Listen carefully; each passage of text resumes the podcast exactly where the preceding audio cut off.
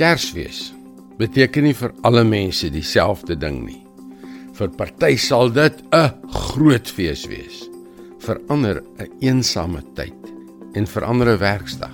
Sê my, hoe sal jou Kersfees lyk?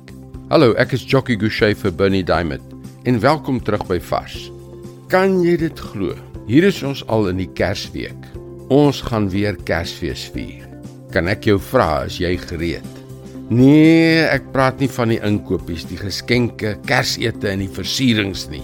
Dit is alles goed en wel, maar dit is nie waarom ek dit vra nie. Is dit? Nee, wat ek wil weet is of jy diep in jou hart gereed is om die grootste geskenk wat ooit gegee is te ontvang, want dit is immers waaroor Kersfees gaan. Ongeveer 700 jaar voordat Jesus gebore is, het Jesaja sy koms voorspel. Ons lees in Jesaja 9 vers 5: Vir ons is 'n seun gebore. Aan ons is 'n seun gegee. Hy sal heers en hy sal genoem word Wonderbare Raadsman, Magtige God, Ewige Vader, Vredevors. Kyk net al die name wat aan die seun gegee word. Wonderbare Raadsman, Magtige God. Wag 'n bietjie, stop net daar.